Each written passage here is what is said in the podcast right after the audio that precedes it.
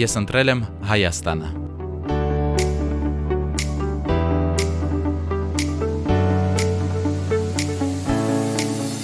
Աշխարի տարբեր անկյուններում բնակվող հայերը հզոր ուժ են Հայաստանի համար։ Հայրենիքում ապրելը, զբոսաշրջիկից Հայաստանի քաղաքացի դառնալը նրանցից շատերի երազանքն է։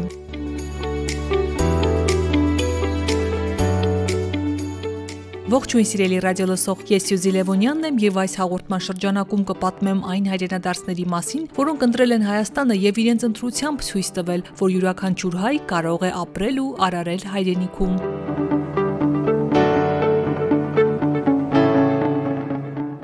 93 թվականին հայրս արդեն իսկ աշխատում էր Չեխիայում 3 ամսով ես որ մտա Հայաստան ինձ Հայաստանը ձերքերը բաց եւ կուրս կբաց ամեն մի շունչ որ մենք քաշում ենք մեր արած գործով նպաստում է Հայաստանի վաղը ել ավելի լավը լինելու 500 լերանտեր կանգնի ինչպես ես իմ լերանն եմ դեր կանգնել իրոք մենք կլինենք մենք ենք մեր սարերը եւ մեր Հայաստանին ոչ մեկ չի մոտենա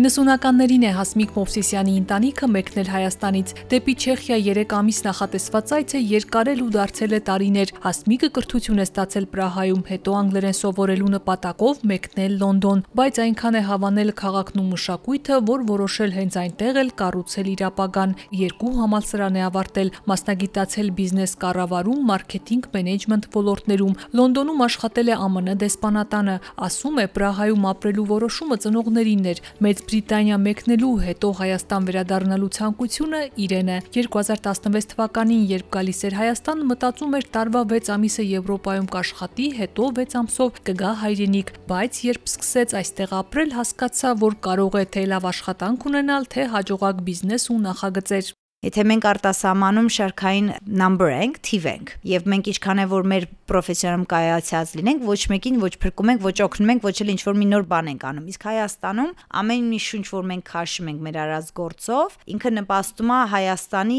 վաղը ել ավելի լավը լինելուն։ Ու այ հենց դրա համար Հայաստանում լինելը ավելի հոգևոր արժեքներ է քեզ տալիս եւ դու հասկանում ես ինչքան կարեւոր է քո էությունը առհասարակ կյանքում որպես մարդ, որպես այդպեսին։ Ես որ մտա Հայաստան, ինձ Հայաստանը ձերքերը բաց եւ կուրս կբաց ընդունել է։ Մի հատ կարծատիպել եմ լսել, որ շատերն ասում են՝ «Ու սփյուռքային լավ չեն ընդունում» եւ այլը։ Ես որ եկել եի Հայաստան, ես շատ վատ էի հայերեն խոսում ու բավականին ուժեղ акցենտ ունեի ու այդ ժամանակ սիրիահայերն էլ էին գալիս ու բոլորը կարծում են ես սիրիահայ եմ եւ ես ոչ մի վարքյան կարող եմ ասել այդ նույն հոդվածի տակով ես էլ եմ ասել չեմ զգացել որ I'm not welcome here որ այստեղ սպասված չեմ հակառակը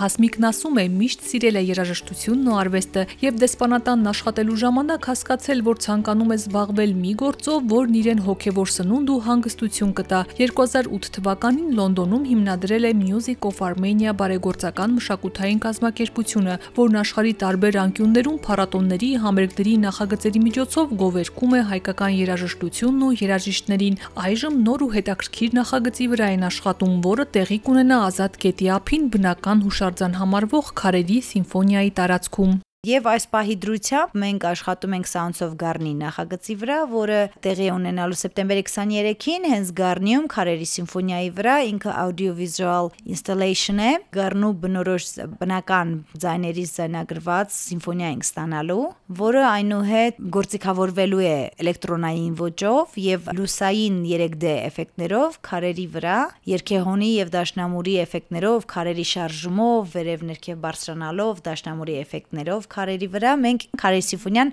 դարձնել ենք իսկական կենթանի սիմֆոնիա։ Բացը լինելու բոլորի համար իր ամբողջ նպատակը նաև տեղի туриզմի զարգացումն է մշակույթի եւ արվեստի միջոցով եւ ունենալու է շարունակական բնույթ։ Հայտանիվ չեմ հորինել, դա Նիագարա ֆոլսում կա, դա Լաս Վեգասում կա, մեր հրապարակի շատրվանները, որ նոր բան չեն կարը, պարզապես այդ վայրում այդպիսի բան չկա։ Thank you Մյուս կարևոր նախագիծը դուդուկի փառատոնն է, որն այս աշնանը կանցկացվի Գյումրիում ու կնվիրվի հայ անվանի վարպետներ Ջիվան Գասպարյանի 95 եւ Գեորգի Մինասովի 90-ամյակներին։ Հասմիկն ասում է, անցած 15 տարվա ընթացքում Music of Armenian կարևոր ու մեծ աշխատանք է կատարել նպաստելով հայկական երաժշտության տարածմանը, բարեգործական ծրագրերով էլ իրականացրել շատերի երազանքները։ Այդ նախագծերից նա առանձնացնում է կանանց երաժշտական միամսյակը, որի շրջանակում երաժշտական գործիքներ ու կրթաթոշակ են տրամադրում տաղանդավոր պատանիներին։ Կրթաթոշակը կոչվում է Simon Movsisyan Scholarship for Music and the Arts հայրիկիս հիշատակին բարեգործությունը ինչպես հայրիկիս համար ինձ համար շատ հոգեհարազատ է այդ 4-ից 5 շաբաթվա ընթացքում մենք ամեն շաբաթ մեկ կնոջ համերգն ենք անում կամ ինչ որ ծրագիր ու փորձում ենք տարբեր սերունդի ներկայացուցիչների վրա կենտրոնանալ եւ ամեն տարի գոնե մեկ հոբելյար ունենալ։ Այդ շրջանակներում նաեւ մեկնարկվում է մեր մրցույթը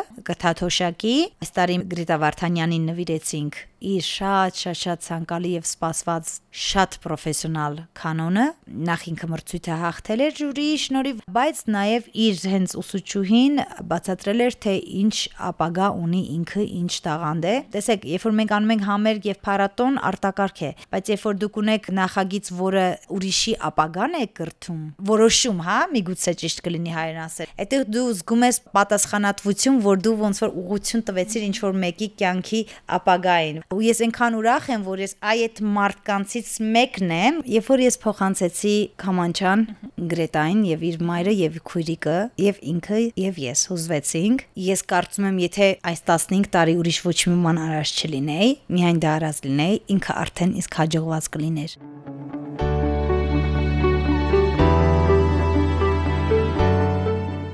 Ժամանակի մեծ մասը Հասմիկը տրամադրում է նախագծերի ստեղծմանն ու իրագործմանը, ասում է իր համար առաջնայինը միշտ կրթությունն ու կարիերան են եղել։ Անձնական կյանքին շատ ժամանակ չի հատկացրել, արդեն 1 տարի է ինչ բջնիում գեղեցիկ ու յուրօրինակ հյուրատուն է բացել, անվանել է Բջնի երազ։ Այնտեղ համերգներ ու սեմինարներ են անցկացվում։ Մտածում է նաև խնամքի կենտրոնների հետ էլ համագործակցել, երեխաներին հյուրընկալել ու հետաքրքիր օր նվիրել։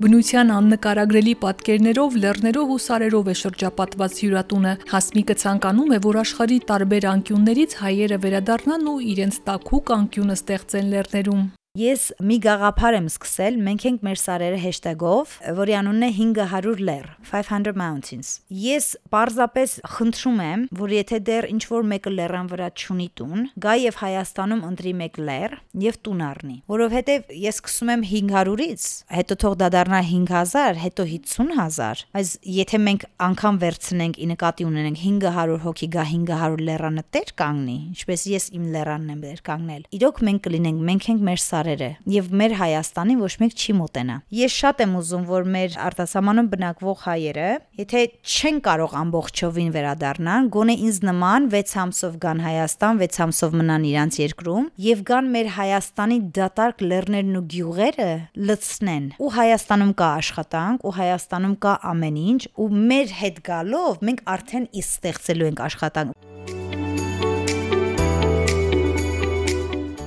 Բոլոր ծրագրերի հետևում պրոֆեսիոնալ թիմ է կանգնած, որի շնորհիվ էլ կարողանում է շատ նախագծեր կյանքի գոչել, նշում է Հասմիկն ու հավելում. Հայաստանում է գտել այն սերն ու ջերմությունը, որն ուժ է տալիս ու ոգեշնչում նոր գաղափարներով առաջ շարժվել։